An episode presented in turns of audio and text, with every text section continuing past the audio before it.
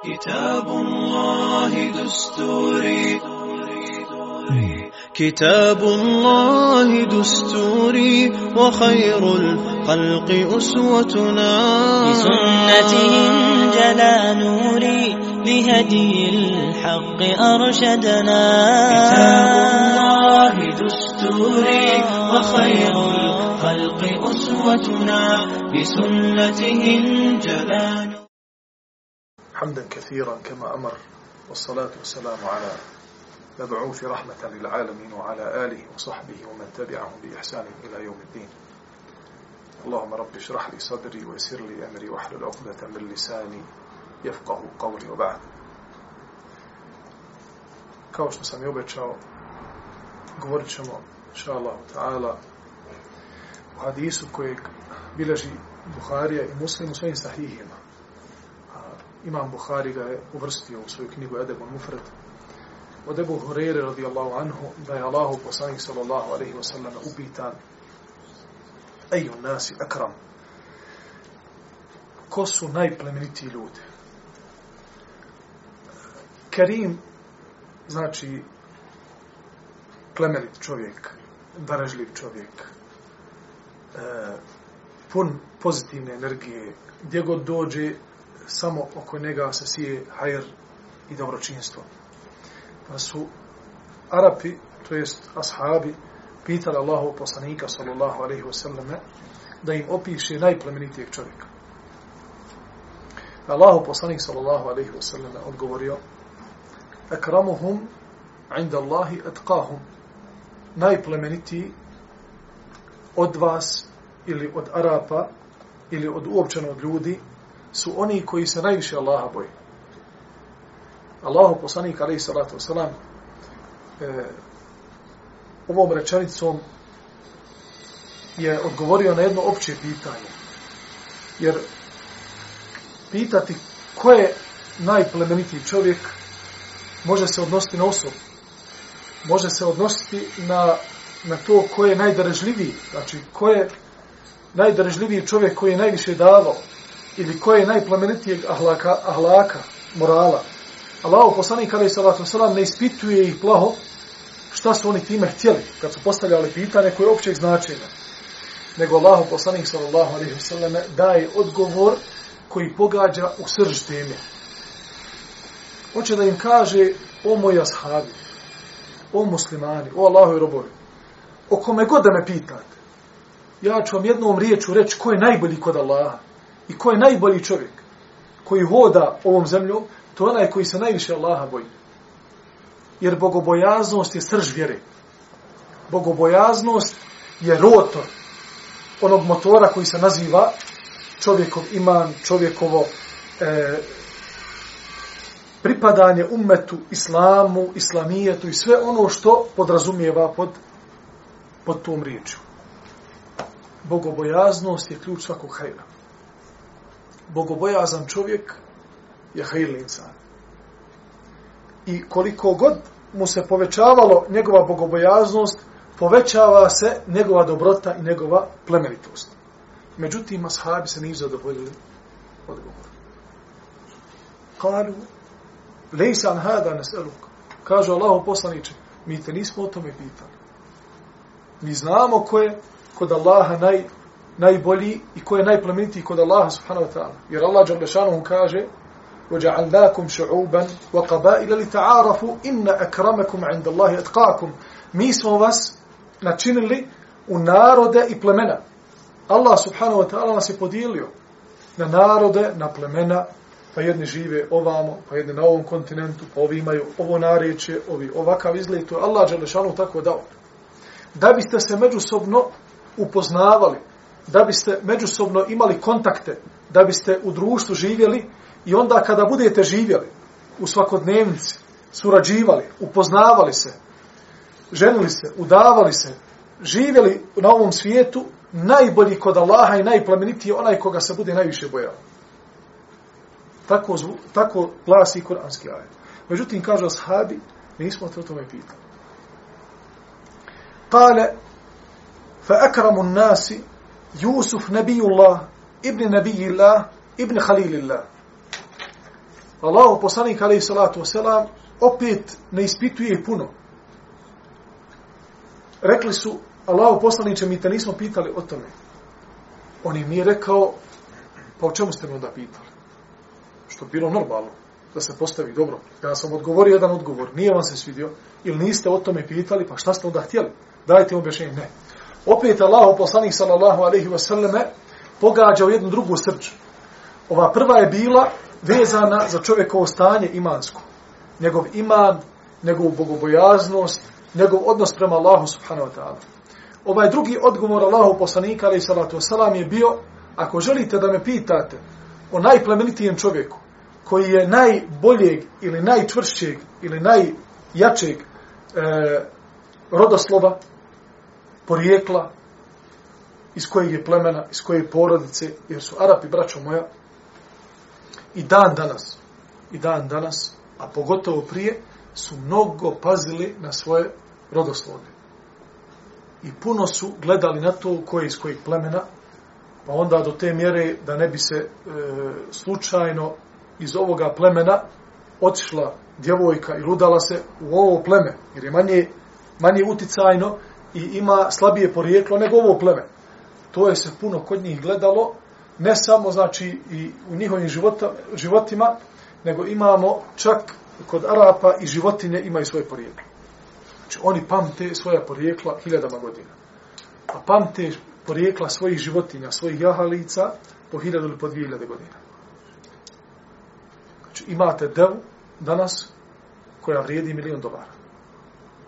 To je deva koja ima svoje pečate kroz generacije s kim se sve onaj ukrštavala i ko je mogao samo da ju priđe i znači konj.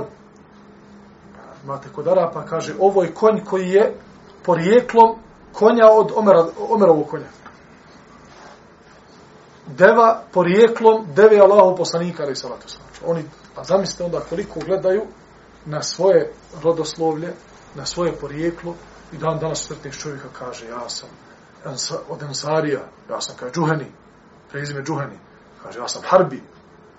Vole toliko da se hvale svojim prezimenima i svojim porijeklima, da to prelazi svaka naša razmišljanja i očekivanja. I onda su Allaho poslanika pitali o, o ovoj plemenitosti, pa Allaho poslanik hoće da im kaže, ako hoćete taj dio, da me pitate o tome, pa najplemenitiji čovjek i najjačeg rodoslovlja je Jusuf a.s.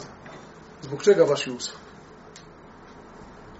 Jusuf je sin čije? Jakuba. Ko je bio Jakub? Poslanik. A Jakub je sin Ishaka. Ko je bio Ishak? Poslanik. Ishak je sin Ibrahima. Ibrahim je bio Allahu prijatelj, Halilullah.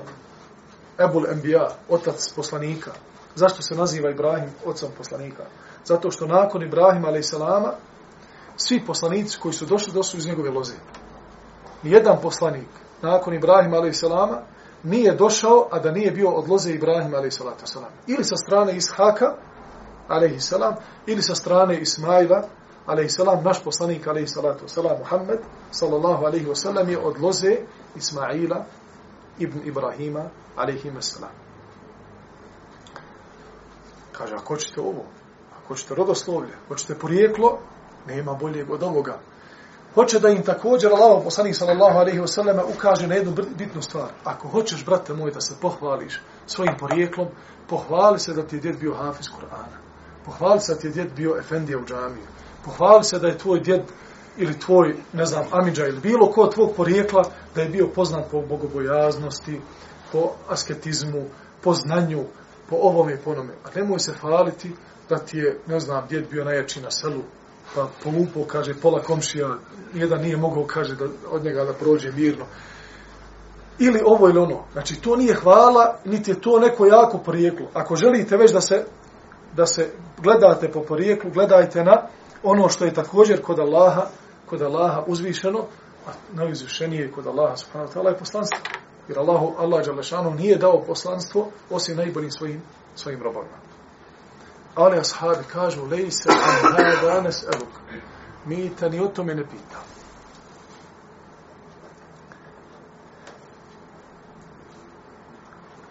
I ovdje se otkriva oštroumnost Allahov poslanika, sallallahu alaihi wa sallam.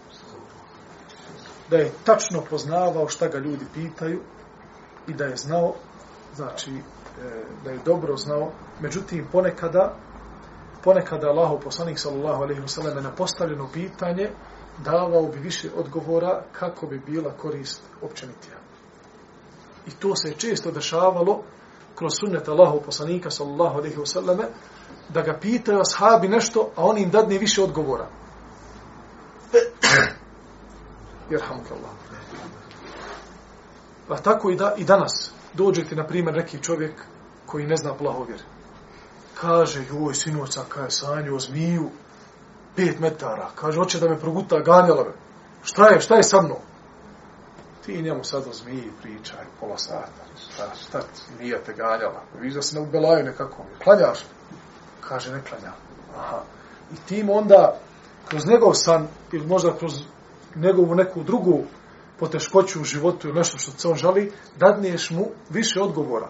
Vratiš ga na namaz, vrat, ispitaš ga, pa dobro, sad ide mjesec Ramazan, isplanirao post, možda ti ovo i šaret, da ćete pojest kakva zmija ako ne ispostiš mjesec Ramazana. Znači da, da uopšteno govorimo ljudima ili da vidimo ono što im fali, kako bi na postavljeno pitanje odgovorili što, što inša Allah ta'ala bolje kako bi se onaj ko čuje ili postavlja pitanje još bolje okoristio. Poznati hadis da Allahu poslanika sallallahu alaihi sellem kada su pitali ashabi o morskoj slanoj vodi. Da li mogu da se abdeste od te vode, jer kaže Allahu poslaniče mi, e, hadis je kod Buhari i kod muslima, mi e, često idemo u plovidbu. I imamo vodu koju ponesemo sa sobom, slatka, pitka voda. Međutim, ako se budemo abdestili tom vodom, nećemo ima dovoljno da, da se napijemo. Pa možemo li se, možemo li se abdestiti iz morske vode, slane vode?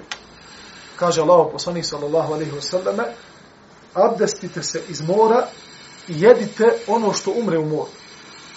Abdestite se iz mora i jedite ono što umre u moru, to jest uginula riba koja ispliva na površinu, ona je halal. Ne mora se zaklati. I time ashabima, time su ashabi dobili dva odgovora koji će mi takako olakšati boravak na, na moru. Prvo što će moći da se abdeste slanom vodom, a drugo, često u plovidbi, naiče na, već, na veću ribu ili na samoj obali, možda na, na, na kita ili na neku veću ribu soma, koji će mora izbaciti, i on će moći to da jedu i to će im biti, to će im biti halal.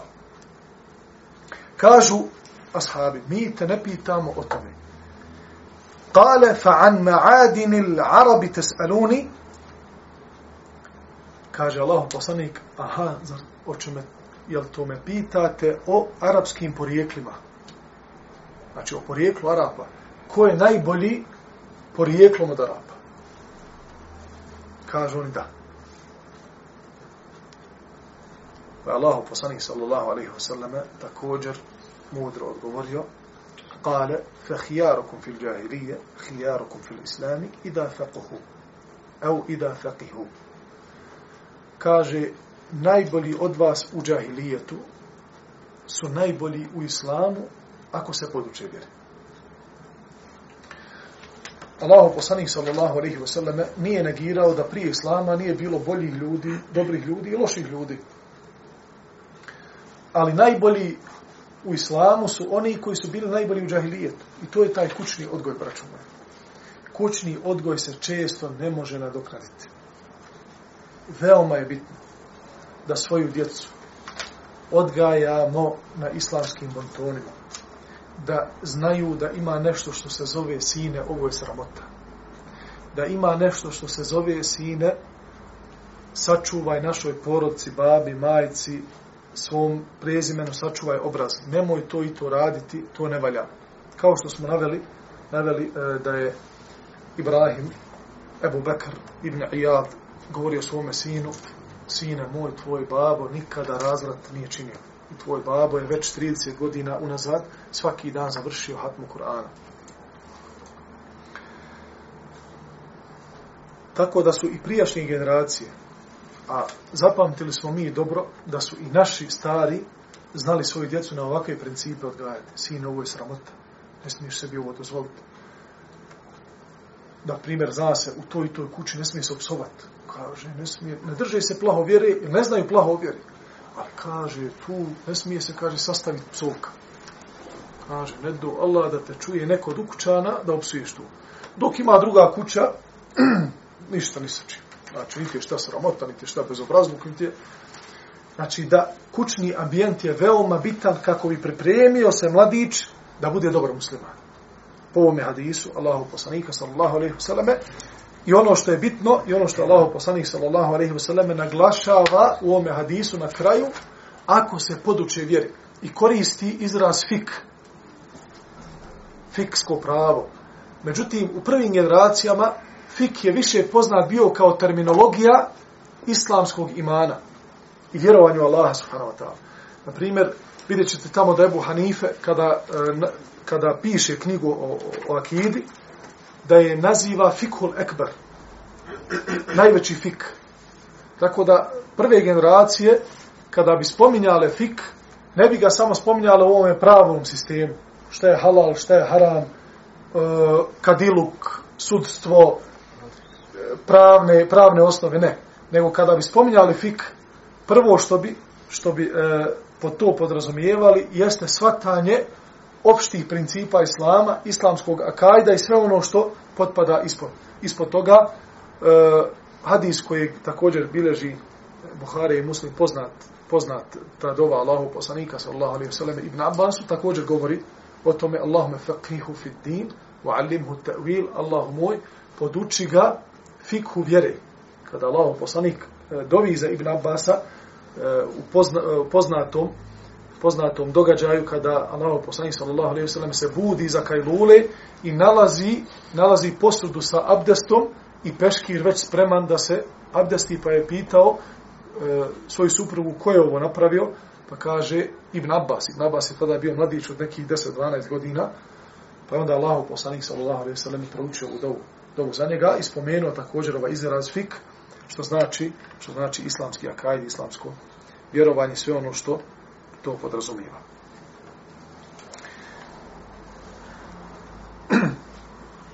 Uopšteno gledajući ovaj hadis i dijalog Allahu poslanika sallallahu alejhi ve sellem sa ashabima, vidjet ćemo da ih je stalno vraćao na vjerske principe. Da ih je stalno vraćao na ono što je osnova kod čovjeka a to je njegova bogobojaznost njegovo stanje sa Allahom subhanahu wa ta'ala. Sve ostalo mimo toga, tvoje porijeklo, rodoslovlje, tvoj grad u kojem živiš, mahala u kojoj, koliko kuću imaš, koliko bogatstva imaš, to je sve sekundar. To je sve toliko prolazno, toliko mizerno, ako nema se ovo prvo. Jer, kaže, pa ja sam, kaže, porijeklo Allahov poslanika. Pa dobro, porijeklo Allahov poslanika, to nije dovoljno ili ne znam ja sam o, iz ovog porijekla ili moji su bili sve hađije, moji su bili sve muftije ili tako dalje. To je sve fino. Ali jesi li ti i dalje na toj trasi? Jesi li ti stala i dalje na toj džadi pravoga puta? Jesi, alhamdulillah. Fediha o ni'me, to je nur na la nur, svjetlo na svjetlo. Ako nisi, pa Ebu Leheb je bio amidža Allahu poslanika. Šta mu je pomoglo? Pa čak i Ebu Talib, koji cijelo vrijeme pomaže Allahu poslanika i biva ključna ličnost u održavanju islama u Mekke, u najtežim momentima boravka Allahu poslanika, ali salatu salam u Mekke, ne prima islam i ovo mu ništa ne pomaže, osim što Allahu poslanik, sallallahu alaihi ve sallam, dovio Allahu da mu, da mu olakša njegovom amidži kaznu u vatri i Allah, Allah subhanahu wa ta'ala mu se odazvao tako da neće biti cijel u, u, u vatri, samo će biti njegove noge stopala, bit će mu navučene nanule od vatre, od žestine tih nanula koje će goriti na njegovim nogama, ključ, ključat će mu njegov, njegov mozak u njegovoj glavi. I tako će vječno ostati.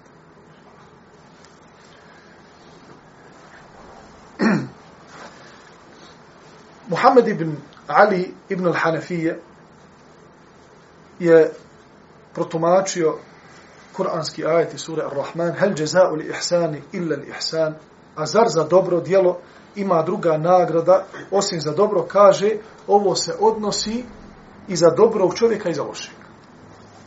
Šta, šta ovo znači, ovo se odnosi i za dobrog i za lošeg čovjeka? Ako uradiš dobro djelo, vratit će se dobro, bio ti dobar ili loš. Wal jaza'u min jinsil amal. I čovjek će biti nagrađen shodno dijelu koje bude radio. Čovjek griješnik. Međutim, blag prema ljudima. Kako će se prema njemu ljudi upraviti? Blago. Čovjek loš. Međutim, nikada nije nijednog komšu uvrijedio. Nikada ni na koga nije zagalamio. Nikada ni sa kim se nije posvađao. Hoće li imati ugodan život ili neće? Hoće imati ugodan život. Jer Allah subhanahu wa ta'ala kada je spuštao knjigu i kada je spustio mizan i pravila na ovaj svijet, imaju određena pravila koja se zovu sunen, sunnetullahi fil ard, Allahov zakon koji se ne mijenja. Bio čovjek mu'min ili ne. Imaju opće zakoni koji se nikada ne mijenjaju. Ako si pravedan, Allah će te pomoći. Allah pomaže pravdu, bila ona kod muslimana ili kod nemuslimana. Ako si blag, ta tvoja blagost će uljepšati tvoje dijelo kako ono god bilo. Ono će ga uljepšati. Ako to dijelo koje radiš bude dobro dijelo, to će biti toliko lijepo kao dijamant. Ali u osnovi, blagost u svakom dijelu, kaže Allah poslanik sallallahu alaihi wa sallame, nije se blagost pomiješala ni sa čim, a da ga nije uljepšala. Ima jedan drugi zakon. Grubost nije ušla ni u šta, a da ga nije upropastila. Koliko god tvoje dobro djelo, i to je zakonistost Allaha subhanahu wa ta'ala koji je spustio na ovaj svijet, koliko god tvoje djelo bilo dobro, ako ga pomiješaš sa grubošću, sa osorošću, ono će ga upropastiti. I to se ne može promijeniti. Koliko god se ti trudio da uradiš neko lijepo, dobro djelo, ali propratiš to sa osorošću, sa grubošću, u istinu će ta grubost biti dovoljna da upropasti ovo dobro djelo koliko god ono bilo dobro. Iskreno. Tako da, braćo moja, imaju zakonitosti koji se ne mijenjaju. Među tim zakonitostima je i to da onaj ko uradi dobro djelo i do, uradi kakav ihsan, dobročinstvo, očekuje ga dobročinstvo. Na isti način. Na ovom je svijetu ili na budućem. Zna se od vjerovanja ehli sunneta od džemata i na tome je koncenzus da čovjek ako je nemusliman, ako je kafir, nevjernik i uradi neko dobro djelo, ostaće to dobro na ovom svijetu nagrada će mu već na ovome svijetu biti. Ako je musliman i uradi neko dobro djelo, nadamo se, inša Allah, ta'ala, da će to vidjeti na sudnjemu, na sudnjemu danu. Skrbništvo siročeta. Braćo moja, ovaj hadis, također bilježi Buhari i Muslim, hadis je prelijep u kontekstu onoga ko se brine o siročetu i udovici. Uštenica žena ima siročad, ima malu djecu, nema muža, onaj ko se brine o njoj, ili onaj ko joj pomogne, pa makar i sekundarno, pogledajte koja mu je nagrada. Od Ebu Horeira radijallahu anhu se prenosi da je Allah poslanik sallallahu alaihi wa sallam rekao, onaj ko se skrbi za udovicu i siromahe, znači njenu dječicu, je poput borca na Allahome putu i onoga koji danju posti, a noću bdije. Jaro. Poput borca na Allahome putu i onoga koji danju posti i noću bdije. Noću bdije, znači noću klanja, klanja noćni, noćni namaz. Mnogi su hadisi, doće sa nama i prošli su, koji nam govore, braćo moja, o ovakvim sličnim stvarima. I u istinu govore o velikim nagradama za onoga koji pomaže ljude, koji je dobročinitelj, koji je blag, e, ko prema svome slugi se lijepo obhodi, čiji sluga jede iz iste sofre i oblači isto koji on što oblači, ko odhrani dva jetima, ko odhrani dvije prvo tri čerke pa dvije čerke. Šta ti hadisi nama govore. Prije svega, da se podsjetimo, da su ti hadisi, braćo moja, prije 150 vijekova, prije oko 1500 godina izrečeni u kontekstu pravno, socijalnog, društvenog sektora, gdje tada nije bilo govora o tim stvarima da ni jedna tada vjera, ni jedno društvo, ni jedan narod, ni jedan umet nije toliko posvetio pažnju onome što je u osnovi slabo u društvu. Šta je slabo u društvu? Udovica, puštenica, siro, siroč jetim. Ko će njega uzdržati? Ko kaže, onaj ko dadne kralju dva dirhema, uće u džene. Nema tog hadisa. Zašto? Što će kralj dva tvoje dirhema? Pa ovako drži štap u svojoj ruci, kaže onim svojima, ti što ovoga, zatvorite ovoga, pustite, ovo mi dajte da jede, ovo me ne dajte da jede. Islam se brine o slavićima. Kaže, kad, kad ide karavana, nahač, kad ide vojska u pohod, kaže, tempo karavane je tempo najslabijeg. U sunnetu. Koliko se Islam u detalje brine o slavićima, subhanallah. U ovom kontekstu, e, udovica i, i njena, njena siročad, njeni je da imaš toliku nagradu kao da si borac na Allahove putu i onaj koji danju posti na filu, a noću klanja noćina. Kome treba ovo što, čemu nas poziva Islam? Meni tebi. Kada odeš da pomogneš siročetu, kada ode, odeš da pomogneš udovici, kada odeš da pomogneš siromahu, kada odeš da pomogneš onome koji je putnik, prolaznik, znači ide iz mjesta u mjesto, pa mu treba prenoćište, treba mu hrana, trebaš ga sa ručak, trebaš ga možda ponuditi da mu opereš veš i tako dalje. Kome to treba? To nama treba. Jer Allah Đalešanu se brine o svojim robovima. Neće i nikada napustiti. I kada nam je naredio ove stvari, naredio nam je da to uradimo za naše dobro i za naš ahiret, a ne za njihov. Jer Allah Đalešanu se brine o toliko mizernim životinjama i stvorenjima u našim životi, životima, da mi nikada ne obraćamo pažnju na njih. Ovaj mrav što je sad bio po stolu. Ma ko od nas brine o mravu? Allah ga obskrbljuje pa toliko u šumama crva, životinja, pa u dubinama zemlje, kopaš 10 metara, nađeš dole ne, neko živo biće, mrda se. Ko se brinje da dođe kisik do njega, da dođe hrana do njega, da ono živi, da prolazi kroz zemlju, da ima one nogice, da može da kopa, gospodar svjetova. A da zaboravi muslimana i muslimanku. Haša libla. Bože sačuvaj.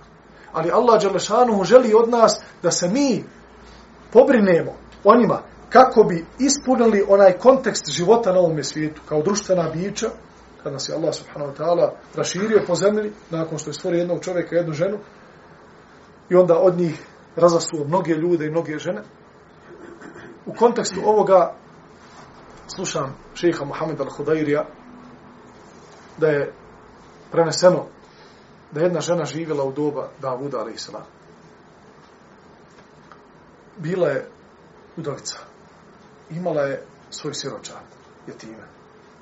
Nije od Dunjaluka ništa imala osim pletiva. Ni kauča, ni organa, ništa. Ima pletivo i ono što sa pletije svojom rukom ode na pijacu proda, zato donese hrane za taj dan da djeca mogu da jedu. Jednoga dana ustane i počne da plete. Da sa pletije tokom dana pletivo odnese na pijacu da bi djeca imala šta da jedu jer nisu imali taj dan ništa tamo, kaže, plete, ona saplela, ona plelo, dođe jastreb, ot, otrgnu to, kaže, iz, ru, iz ruke i odnese. Kaže, bila je ubijeđena toga dana, ona i njena djeca neće ništa pojesti.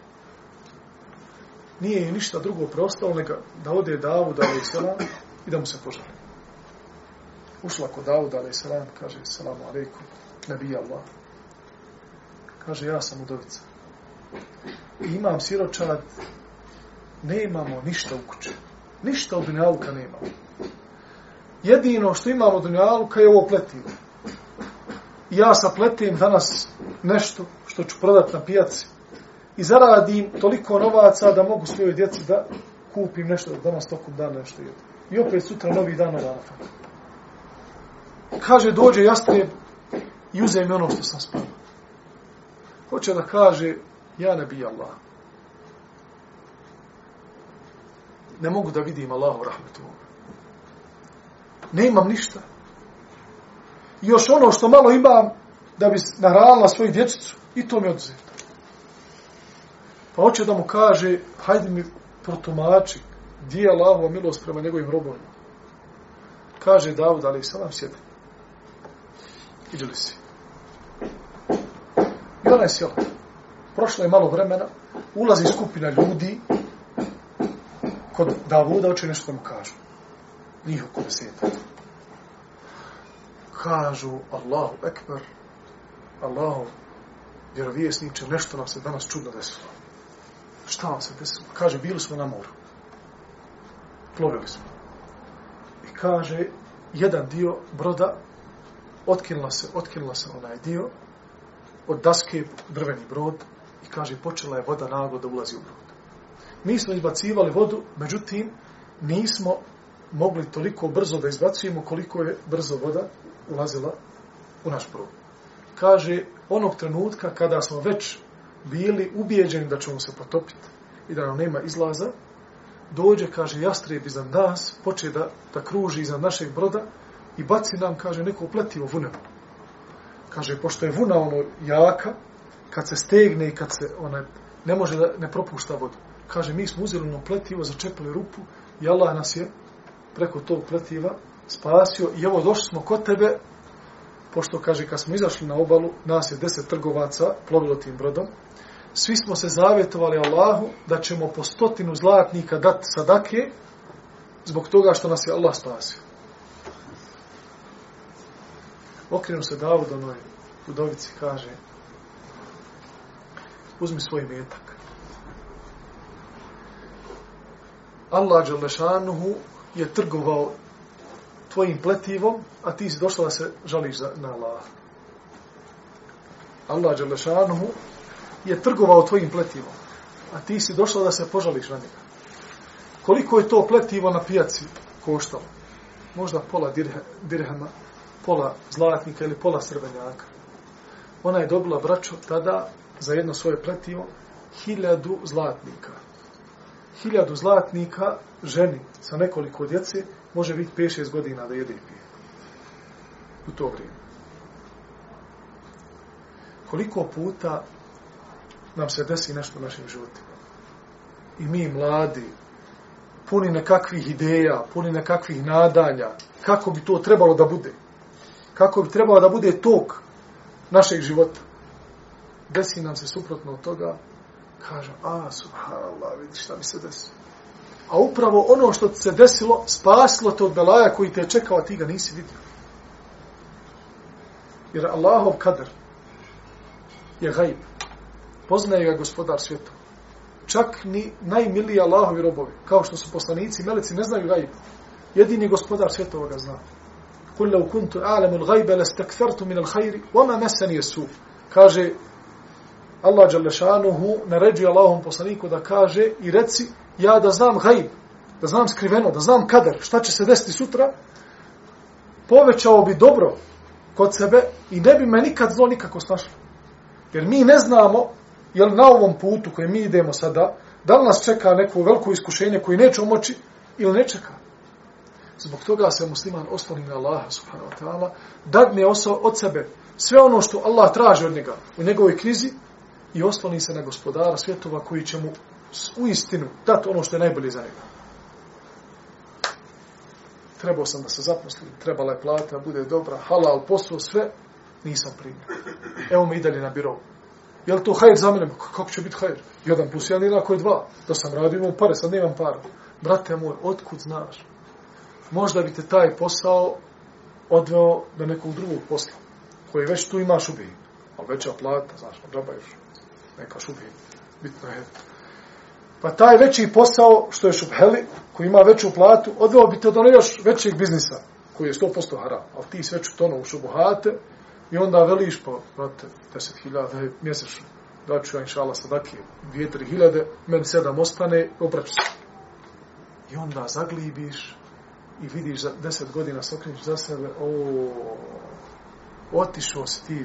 Znate, kad, kad ljudi lutaju, pogotovo u pustini, pustini ljudi kad zalutaju, onda ga zalutaju momački. Znači, on ide pravo. Ali kad ga neko gleda od sa satelita, on jedni kruži cijelo vrijeme upravi. Nema orijentacije. Tako je čovjek koji nema upute. Ide on konta da ide pravim putem, međutim, stalno kruži kao što su Beno Israeličani kružu 40 godina u pustinu. Zbog toga što se nisu pokorili Allahu, da uđu pobjedonosno u kuc. Samo da uđu, Allah kaže pobjedit ćete. Ne trebate izvati nijedan nožić mali, onaj kuhinski, protiv, protiv onih silnika koji su bili tada zaposlili kuc. Samo uđite, Allah će ih istirati s kuca. Oh, I kaže, ti i tvoj gospodar paratujte. Mi ćemo, kaže, ovdje čekati. E, kad sve, kaže, se istrebi, eto nas. Kuži. Kazna im je bila da je Allah dao da su zalutali u pustini zajedno sa kime? Sa Musaom a.s. Zbog toga što se nisu oni pokorili Allahu, čak i Musa je snašla smrt u pustinji. I preselio je pustinu. Oni 40 godina njihovog lutanja, Musa je bio sa njima i preselio tako. Zbog grijeha jednog naroda. I nakon 40 godina, kad se promijenila generacija slabića i promijenila se generacija onih koji su onaj, bili kukavice, došli, došla druga generacija koja je odrasla u pusti, koja se nije bojala ničega. E onda su zašli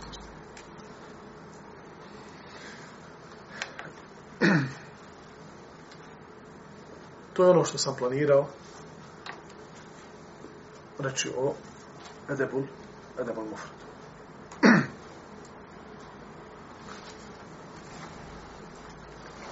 Pred nama je inša Allah ta'ala plemeniti mjesec Ramazan. U osnovi je inša Allah ta'ala dovoljno svima nama ders, onaj naš ders prije na noć Bajrama svako od nas sebi održao ders nakon 27. noći. Kad se već sve zagrijalo, kad se već one, rastopilo se, one, one crnulo oko srca, po, otišlo, i onda svaki ajet nađe svoje mjesto u našim srcima i našim prsima. I to se odražava i na naše oči, naše suze i naše stanje, imansko i tako dalje. Onda smo prije Bajrama svako od nas sebi rekao, a mogao sam više. A trebao sam ovako, pa moglo je onako. Pa Sjeti se samo tih riječi, šta si sve mogao, a nisi, inša Allah nemoj dozvoliti da te prođe ovaj Ramazan u gafletu. Od prvog dana zapre. Ali ono što želim samo na, u kratkim crtama večeras da podijelim, a to je da obratimo pažnju na tri stvari. Allah žel dašanuhu kada govori o postu. Femen šehida minkum u šahra fel jasumha onaj ko od vas bude u svojoj kući i zadesi ga mjesec Ramazan, neka posti. Prije toga, Allah Đalešanuhu započinje ajete sa nečim onda govori o tom propisu koji sam sada spomenuo i opet prelazi na jedan drugi propis, na jednu drugu stvar. Prva je Kur'an, a druga je Dova. Kao da nam želi reći šaretom, šahru Ramadana alladhi uzila fihi al-Qur'an, hudan lin nas wa bayinati min al-huda furqan. Mjesec Ramazan i mjesec u kom je objavljen Kur'an. Uputa za ljude i onaj ko Furqan, onaj ko razdvaja istinu od neistine. Kao da nam Allah Đalešanu hoće da kaže potpomogzite se Kur'anom prilikom posta mjeseca Ramazana. Jer Kur'an, pored toga što je pun upute, pun mudrosti, pun karaktera, morala, ahlaka, vjerovanja muslimana i tako dalje, propisa. Kur'an ima jednu funkciju koju nemaju drugi, druge riječi, pa makar to bili hadisi, makar to bili kuci hadisi, a to je da samo učenje Kur'ana napaja našu dušu. To samo Kur'an Kerim ima u sebi, zato što je to Allahov govor. Nije govor stvorenja nego stvrtelj. Samo učenje Elif Lam Mim Dalika al-kitabu la rajbe fi hudan lil muttaqin puni naše srce.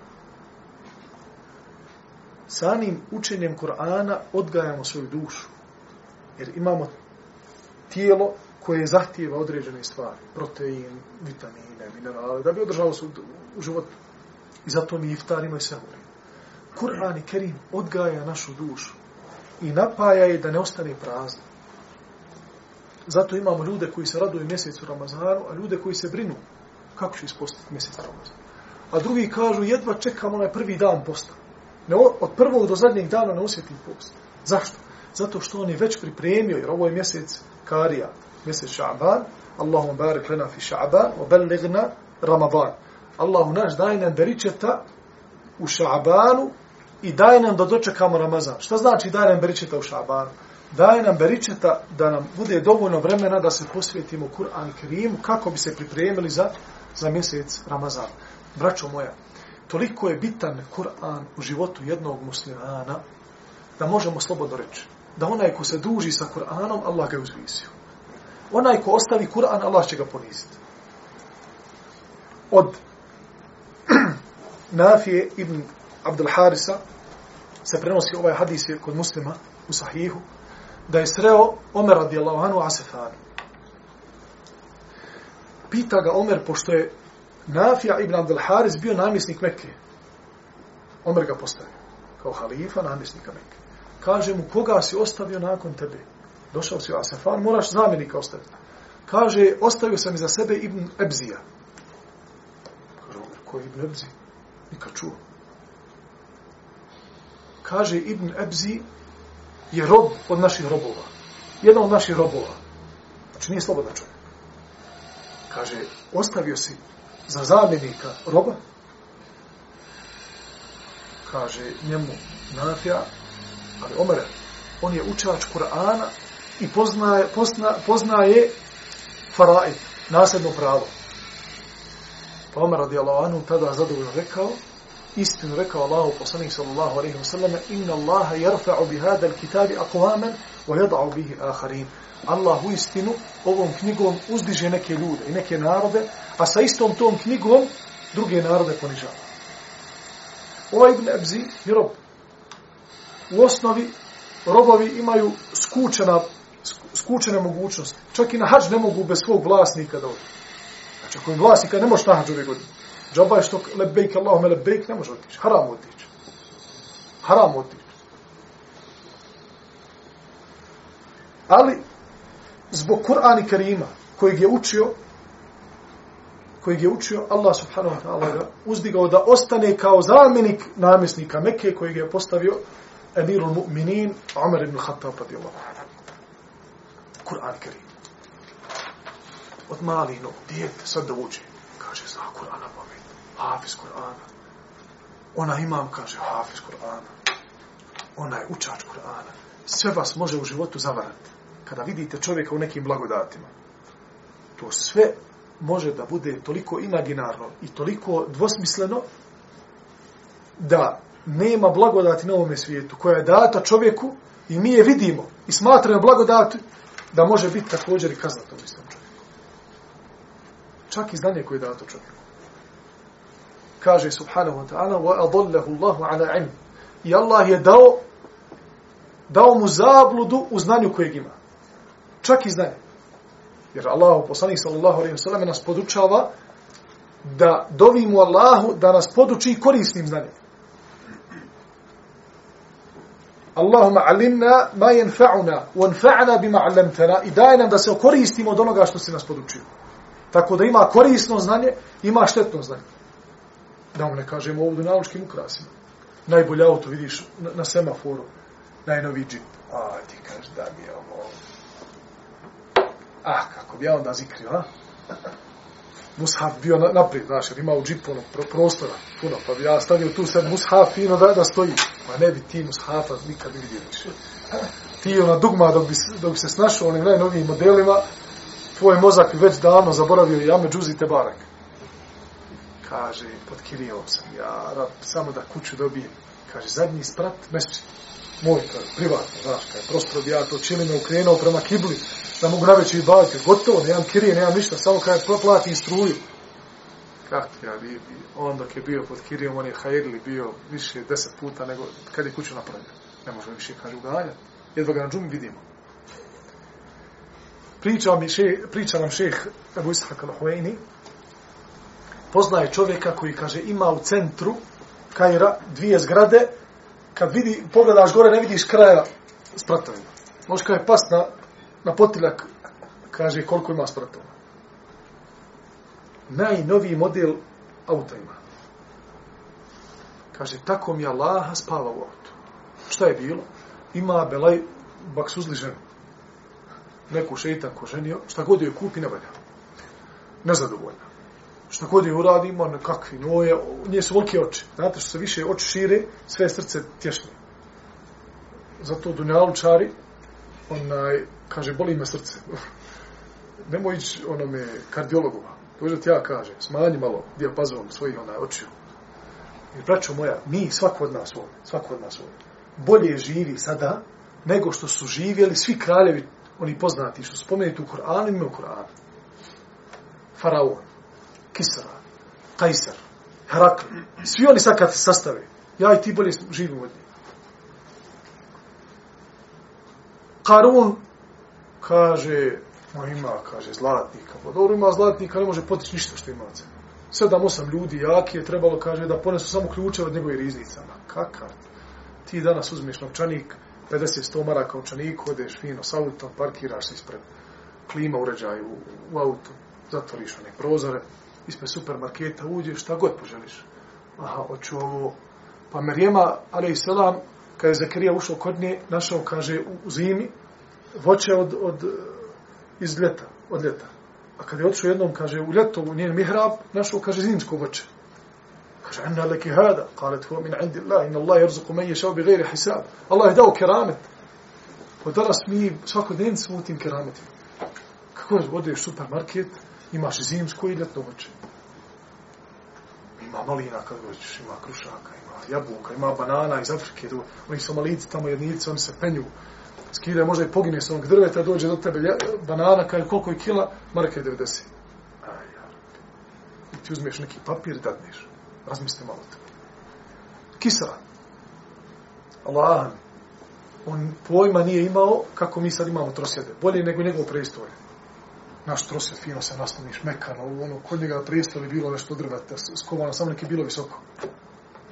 Kajser, braću moja, Kajser kaže stalno, kad bi sjedio na svom prijestolju, bila dvojica ljudi koji su umahali da ga ohladi. Evo, klima kod nas. Ohladi nam na 18 stepeni, kratki kava, maša, vada, vada. On nema pojma da mi imamo sad klime. Harakal kažu da je imao posudu po, posebnog materijala, koja, kad staviš vodu u nje, ohladi je fino. Kaže, svi su mu zavedli na tome. Oni njegovi, oni oko vaziri, ministri. A on kad je dođe, ono, pregnula se, da. Pa mi odemo u frižider sad. Uzmi, još ledaka, stavimo one kockice. Pa nam pousna nas. Dira one kocke. A, maša, 35 napore stepeni, ti ovamo, ladno, kaže, minus 5, da. Uzme sladoled, zapala marke. Pa zar bolje živimo od, od kraljeva? Allah bolje živimo od kraljeva. Nego šta je problem kod ljudi? Povećala im se oči. Hoću ono, evo tira. Hoću ovo, evo tira. Pa nemoj, neš, možeš to staviti u usta, ne možeš sve ući. Polako, smanj zaloga. Ne, ne hoću još. I onda se ovdje stislo. O, kaj nešto me stislo u prsima. Pa ne stislo se, Allah, ne stislo. Čuta ne pokriješ, Bogu. Vidi koliko je oči polako, Allahu robe, živimo u najljepšim dobu. Najbolji, najvećim blagodat. Od kako Allah stvorio čovjeka do dana danas, nikad ljudi bolje nisu vidjeli. Ali nema šukra. Nema, alhamdulillah, srca. Zbog ti očiju. Malo smanjiš oči, onda, alhamdulillah, srce malo više, pusti. Na desnu stranu treba lići, na stranu lijevu. Znaš, onda u noći počne da, da drma, uh, kaže, šta je stislo? On jednik stislo arteriju, posunetu legne na desnu stranu. Neće biti ništa. Koliko još dejaci? Pola sat. Aha, dobro. Allahu poslanik ali salatu wasalam u jednoj dobi nas podučava e, tu srž kako Kur'an treba da bude naša svakodnevnica. I da Kur'an i Kerim jednostavno, njegovo učenje i tvoje, evo mshafa od uzme, tu je, na stolu je, stalno ga učim. Imam džepni mshaf, imam aplikaciju, ponavlja, imam šeha, učim kod njega hifz. Kaže Allah, poslanik sallallahu alaihi sallam, Allahum jali il-Qur'an al-azim rabija kulubina. Allahu naš, daj da veličanstveni Kur'an bude proleće naših srca. Ha, stalno ga učiš. Kakav god Belaj napolju bio, ti osjećaš proleće, kod tebe cvate. Vas da nešto novo. Kako si, brate? Maša Allah, ti vidiš on uči u Kur'an džami. To je jedino ono što sam tio. Sve je, sve je varljivo svaka blagodat, osim Kur'ana. Kada vidite čovjeka da sjedi u čošku mesčida i često ga vidite da uči Kur'an, znajte da vas oči ne varaju. On uživa. Jer nije se niko uhvatio Kur'ana, a da nije počeo da uživa na ovome svijetu. jedino Kur'anom se može uživati, sve ostalo je imaginarno. Možda uživa u tome što ima, možda ne uživa. I to ona blagodat, onaj čovjek, kaže imao ovaj, gursuzli onu ženu, i nagovorilo na kraju djecu da ja s vama, ja bi sad pobjegla od vas, ali ne mogu od, ovako, onako, va, sa prijateljima sinovića da ga ubijem. Jednik dvije zgrade ima, možda po 20 sprata u svakoj zgradi. Toliko stanova ima. Morao je da spava u autu, kaže, ode tamo negdje, sakrije se, kaže, u neku hladovinu, malo spava. A ti ga vidiš na semaforu, a ima, kaže, ovaj, ovaj kad ima dvije zgrade, dva solitera, ko uze, onaj mu zer, veliki. Pa A Jaran možda ne spava Sve ostale blagodati mimo Kur'ana mogu biti kazna. Kur'an i Kerim ne može. Zato Allah poslanik sallallahu alejhi ve sellem dozvolio muslimanu da može zaviditi muslimanu na učenju Kur'ana. La hasada illa fi fitnatayn. Nema zavisti osim u dvije situacije. Rajulun atahu Allahu Kur'an. Čovjek kome Allah dao Kur'an. Uči ga stalno. Hoću i ja čovječ ovakav. Jer on je 100% blagodat. On je u nijametu bez ikakve sumnje. I čovjek, kaže Allah poslanik, koji stalno djeluje. Allah mu dao dimetka, on djeluje. Braću moja, kad vidite čovjeka da često udjeluje, znajte da osjeti slast imana. Jer ne može udjeliti osim onaj ko osjetio slast imana. I ne može udjeliti, stalno udjelivati onaj ko, ko nema imana u svojim prsima. Jer onaj ko ne, ne vjeruje u Allaha i udjeli, on kaže, otišao udjeli metka. A onaj ko vjeruje u Allaha i udjeli, kaže, ovo što sam dao, ono je ostalo. Ovo što je kod mene, Allah zna što će biti sa njim. I to će mi se 100% desetorostruko vratiti. Wa nura absarina, kaže Allahu moj, daj da Kur'an bude svjetlo naših očiju. Kada gledamo, gledamo kur'anskim očima.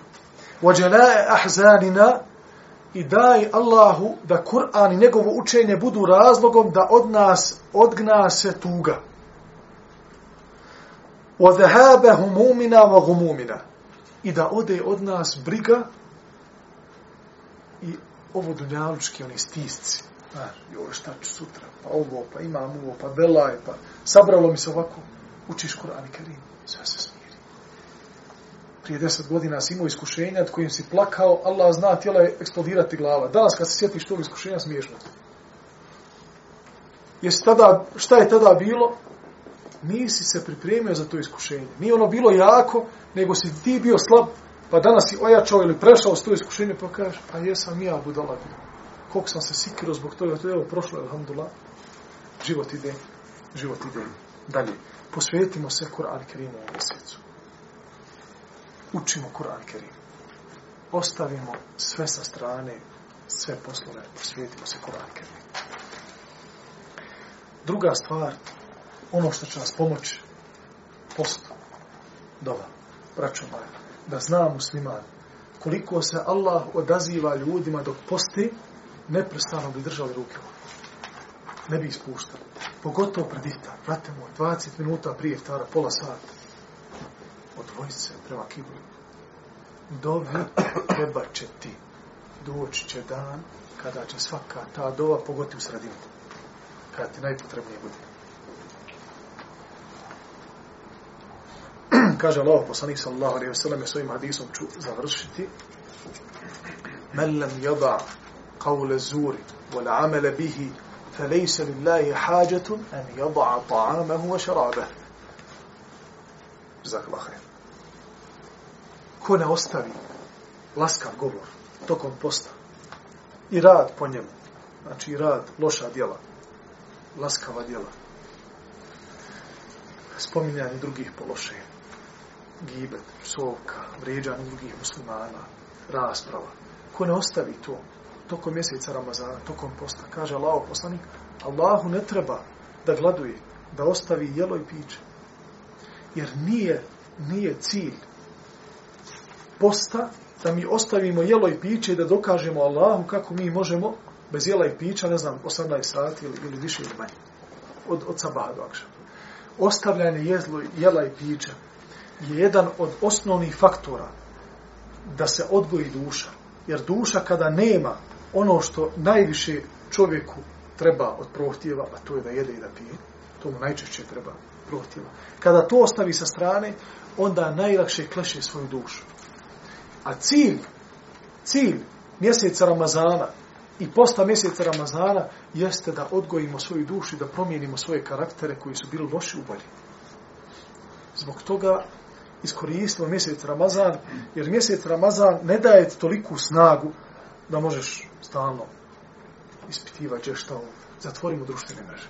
Znači, prvi dan mjeseca Ramazana, mislim, da instaliraj određene aplikacije, zatvori svoj mobitel, osvijeti se Kur'an. Mjesec dana. I vidjet ćeš nakon mjesec dana, kad dođe Bajram, kako će ti neke, neki tvoji postupci koji se prije Ramazana radio biti mrski. Posle Ramazana. Jao, šta sam radio? Pa koliko sam provodio vremena na, na, na, na internetu? Pa koliko sam na Facebooku? Pa jesam mu dala bio? Pa vidi slasti učenja Kur'ana. I kako koji dan Ramazana prolazi, ona zadnja trećina, ti samo povećavaš tempo. Ne povećavaš ti tempo, brate moj, što ti sad nešto postao veći kari nego što si bio prije mjesec dana. Ne nego jednostavno zavolio se više Kur'ana.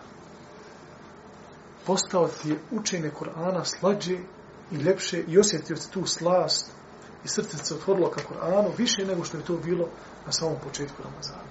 Što znači da si popravio svoje stanje. Radimo to od samog početka. Zadajemo sebi određene, određene dionce koje želimo postići tokom mjeseca Ramazana.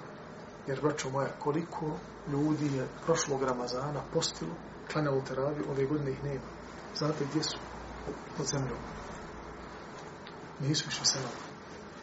Ako nam Allah subhanahu wa ta'ala da, da doživimo prvi dan Ramazana i zapostimo hajrli, iskoristimo, jer otkud znaš? Možda je ovo posljednji Ramazan koji postimo. Nikome nije zagarantovano da će živjeti 60 godina, 70 godina. Allah uzima živote kome hoće, kada hoće. أقول قولي هذا وأستغفر الله لي ولكم سبحانك اللهم وبحمدك أشهد أن لا إله إلا أنت أستغفرك وأتوب إليك